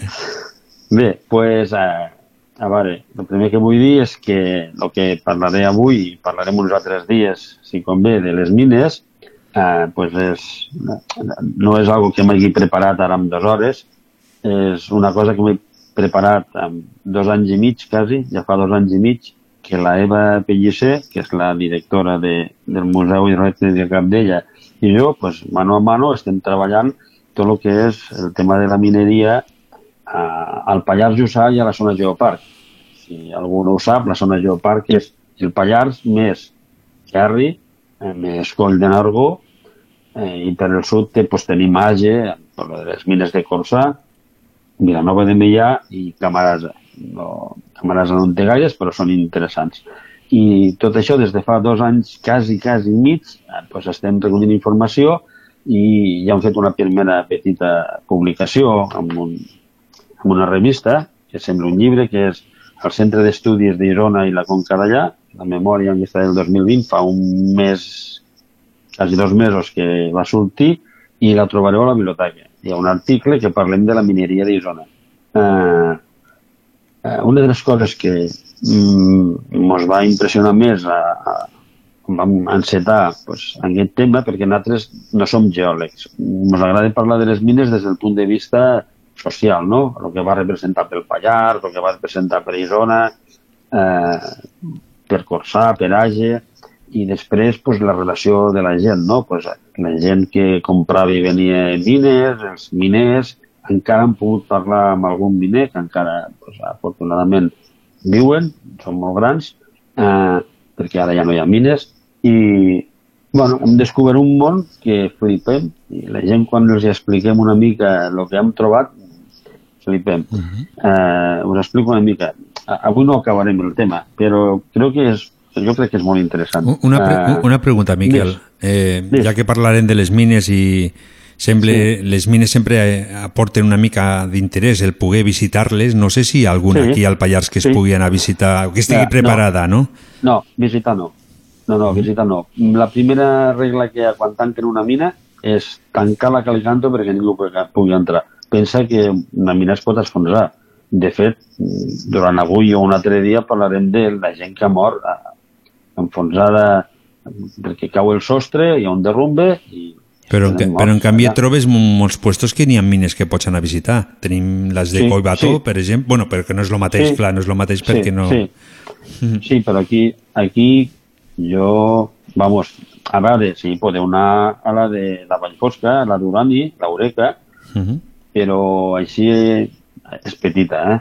Però és interessant, a tot arreu no es veu urani, aquí tenim la sort que tenim urani, a més, una miqueta radioactiu, tampoc et mate, no? Però, a més, la, la Eva és guia de...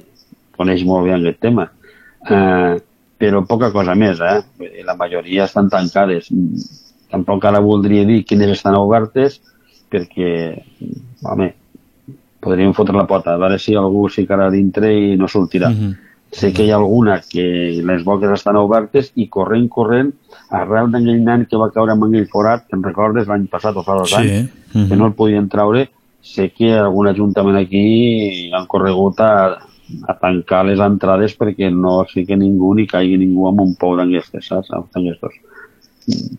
No, en fi, no, no, els, no els comentaré les que estan obertes. Però- Mm, per- fa per- dos estius, fa dos, fa dos estius, mm, aquest no, perquè no es podia anar enlloc, fa dos estius jo vaig estar pel Montsec i a veure dos forats. Un, un fa por i l'altre fa terror. Mm.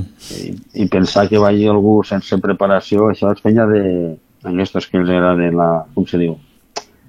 Ai, La geologia. ara no em sortirà la paraula. Aquests que fan coves, espeleologia. Mhm. Els espeleroides. Eh, Si no, te la jugues, eh? Bueno, pues mira, la primera sorpresa és que nosaltres quan encetem el meló de la mineria, pues el que ens és un paquet de tota la mineria de la província de Lleida. Eh, arrenquem a partir del 1840-45 i decidim tallar al 1975. És a dir, quan, quan s'acaba la dictadura, doncs nosaltres ja pensem que eh, ja, és massa modern, no cal tirar tant cap aquí i ens quedem allà. Doncs en aquest període de temps, que deu ser uns 130, 130 anys més o menys, eh, eh, descobrim que hi ha 4.000 sol·licituds a la província de Lleida.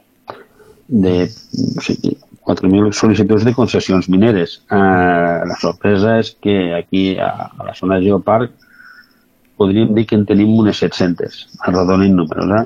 700 sol·licituds. Que dius tu, mare de Déu, Déu-n'hi-do.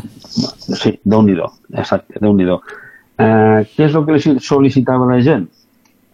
Perdó, dic sol·licitar perquè no tot el que sol·liciten es concedeix.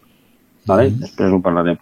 Però mm, què és el que més demanava la gent? Carbó. Aquí al Pallars, mm, ara mateix, pues, podríem trobar 350 sol·licituds de mines de carbó.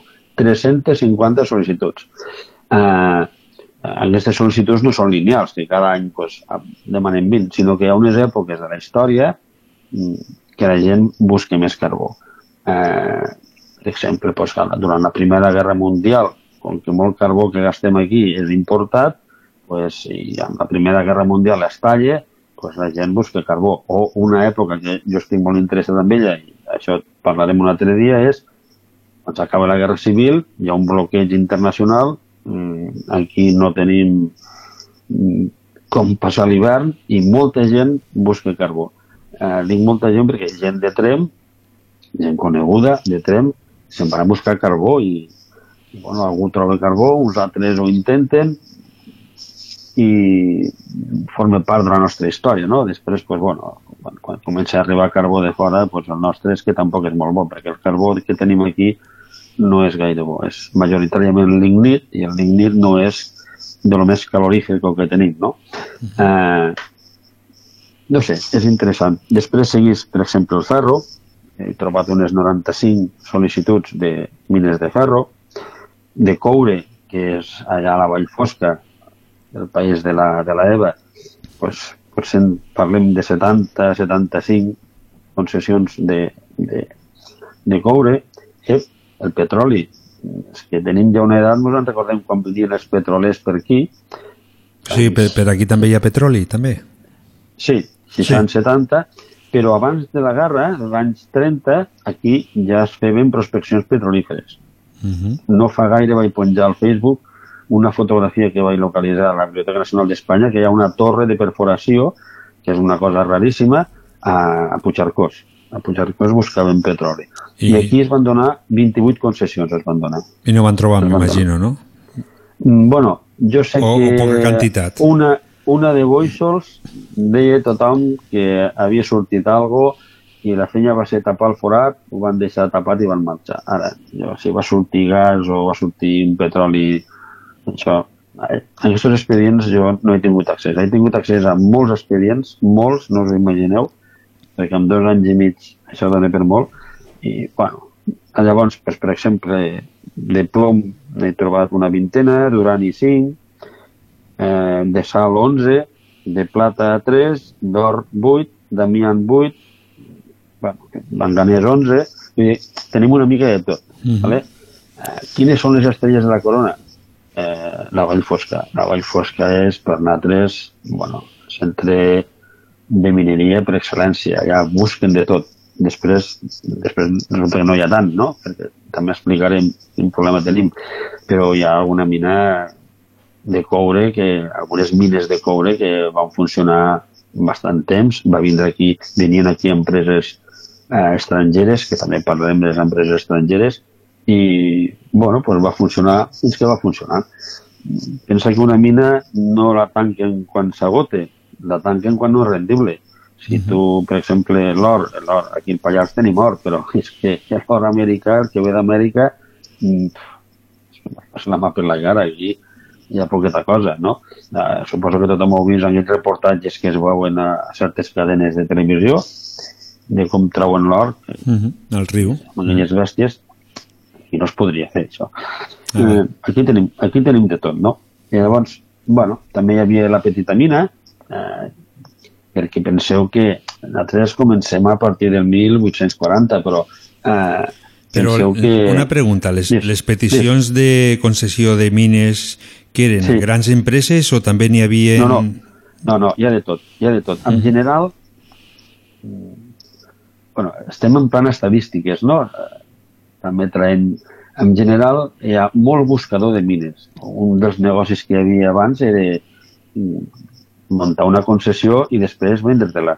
Mm, Per exemple, el senyor Domingo Sers, que va ser el que tenia la concessió hidràulica de, de, del Pallaresa i del Ribagorsana, el senyor que va vendre les concessions a la canadenca per, per fer les preses, eh? aquest senyor era un comprador. Eh, jo he descobert d'ell eh, que tenia més de 100 mines, més de 100 concessions a la província de Lleida. Aquí en tenia bastantes, tenia a Claverol, tenia a Sosís, tenia un d'això a Camarasa, a Isona, eh, també tenia aquí dalt a, a la Torre de Capdella, tenia per tot arreu. En aquest home què feia? Pues tenia uns, una gent pel país que deien, hòstia, pues allà una cosa que sembla una veta de carbó, demana-la, la demanaven, ell per aquest home tenia quartos perquè això valia quartos i després pues, buscava comprador, no? I se la venia i així feien el negoci. Mm, Mira, us explico una anècdota. Ahir trobat a Coll de Nargó un senyor que va demanar la mateixa mina set vegades. Eh, com era això? Pues ell demanava la mina, li donaven la concessió i havia de pagar uns impostos. Eh, no es pagava, com que no es pagava li traien la concessió, però ja havien passat sis mesos. Eh, al final, quan ell veia que ja li prenien la concessió, la tornava a demanar, saps? Perquè, eh, bueno, pues, eh, això estava permès. Durant set vegades, que va estar com tres anys, sempre tenia la mateixa mina. Per què? Perquè buscava comprador. Al final, a la sèptima vegada, surt un senyor del Papaseit, que, bueno, un altre intermediari, que li compra la mina, que és la mina que va sortir el carbó per fer el ciment de la presa de no sé què del riu Segre. Bueno, si no, ens enrotllarem. Vull dir, eh, això era un negoci per molta gent, però per molta gent. O, per exemple, el que pugui llegir la- l'article que vam fer sobre la mineria d'Isona, veurà que bueno, una de les coses que tenim, que jo he aconseguit, és una acció d'una companyia minera que era hispano-francesa, tenia la seva a Barcelona, que aquests van vindre aquí, van agafar un fotimer d'hectàrees al voltant d'Isona, del poble d'Isona, perquè allà hi havia carbó. Mm, inclús van preparar un projecte per fer vindre el tren perquè s'emportés amb el carbó, perquè un dels problemes del Pallars és que tenim mineral però no, no teníem com treure'l. I pues, eh, jo penso que aquí el negoci era vendre accions, perquè van vendre moltes accions, no eren barates, i, i després tot això se'n va anar a.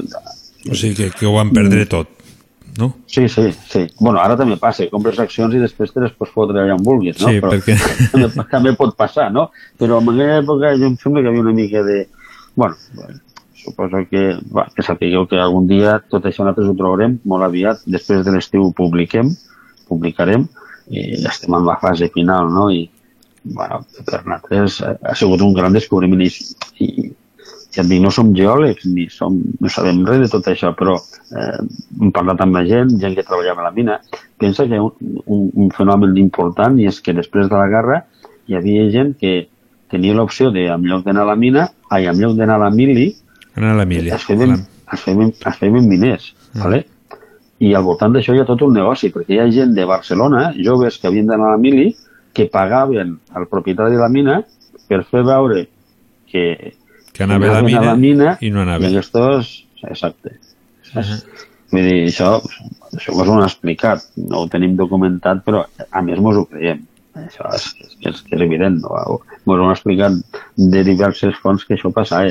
De tant en tant, pues, la Guàrdia Civil passava revista, però bueno, algú devia filtrar alguna cosa, o s'ho devien olorar, i quan, quan anava la Guàrdia Civil a revisar les instal·lacions o, o passar revista, estaven tots, saps? Bueno, és la típica... En fi, eh, en aquest país som així, no? Bueno, la, la, la, bueno, pi- la picaresca, sempre. No? La picaresca, sí, la picaresca de sempre, no? Sí, so- som així nosaltres. si ens podem escapar, doncs ho fem. Mm. Exacte. Llavors, eh, com funcionava això? Pues, tu anaves, tu tenies una finca, no? I veies que al llaurar pues, sortia allà una terra, per exemple, pues, molt enfosquida, molt negra, i agarraves amb una roca i veies que hi havia unes, unes vetes d'una cosa negra i rascaves i dius, tio, pues això sembla carbó, no? Pues, bueno, el primer que feies és, ep, això ho he, de, ho he de legalitzar. Com? Sol·licitant una concessió. Llavors, si tenies quartos, si tenies quartos, tu podies fer tu sol. Pues, anar, feies una, eh, una sol·licitud de tantes, de tantes hectàrees i pagaves. I al pagar, pues, això, venia un enginyer, venia a revisar a veure quants metres agafaves, eh, havies de pagar el desplaçament de l'enginyer. Hi ha molta gent que comencen la sol·licitud i a mig tràmit paren perquè se n'adonen de que això va molts quartos. Una de les coses que toquem al llibre són els preus i que això era per quatre, vull dir, tothom no podia... No podies fer, és com a propietari del terreny, pues, buscar algú que donés la cara i, i ell era el que explotava la mina i a tu et tocava alguna perquè, bueno, fes tracte amb ell perquè tu ficaves el terreno que era teu, però poca cosa més.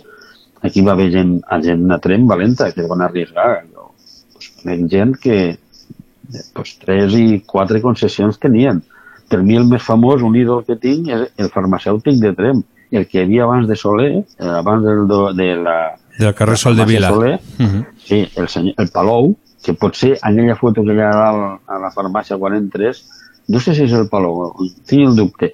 Aquest senyor a mitjans del 19 era famós, és que era l'amo, eh?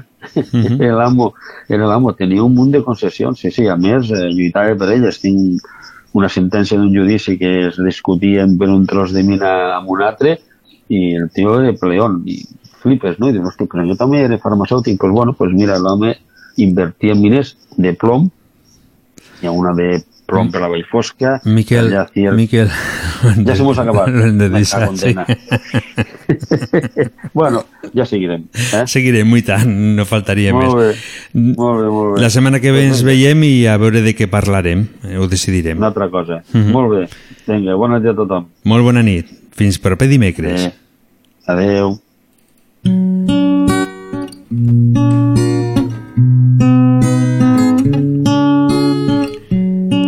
Sembla mentira, concord el temps.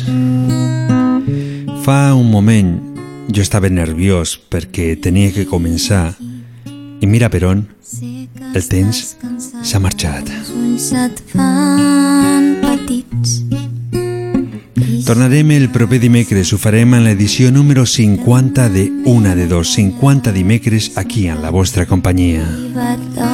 Mentrestant, sigueu molt, molt bons i molt, molt bona nit. la meva mà expulsa els fantasmes que t'amoïnen i t'espanten